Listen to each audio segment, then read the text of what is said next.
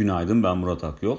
ABD borsaları dün günü iyimser bir zeminde tamamladı. E, söz konusu iyimserlikte özellikle bugün Amerika'da ikinci çeyrek bilançolarının başlayacak olmasının önemli oranda rol oynadığını söyleyebiliriz ki bugün e, finansal sektör öncülüğünde gelmeye başlayacak bilançolar ve bankaların da e, net karına baktığımızda yıllık bazda 3 haneli büyümeler olması bekleniyor. Dolayısıyla önümüzdeki birkaç gün boyunca özellikle finansal sektöre ilginin biraz daha yüksek olduğunu görme ihtimalimiz var diyebiliriz. Diğer taraftan S&P 500 şirketlerinin tamamına baktığımızda ise Orada da e, yıllık bazda net karda %60'ın üzerinde büyüme olması bekleniyor ki bu da zaten 2009 son çeyreğinden bu yana en yüksek rakam olduğu için e, bilançolar öncesinde e, hisse senetlerinin yukarı yönlü eğilim sergilemesi oldukça olağan bir durum olarak kabul edilebilir.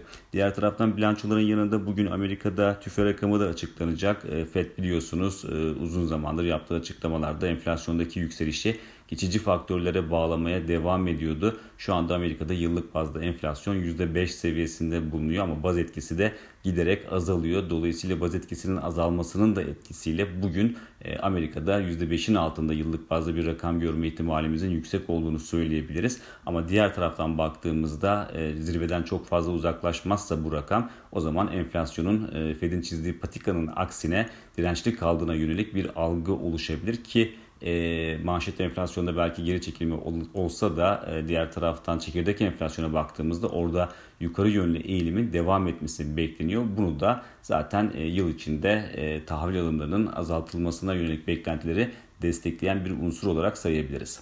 Bir sonraki podcast'te görüşmek üzere.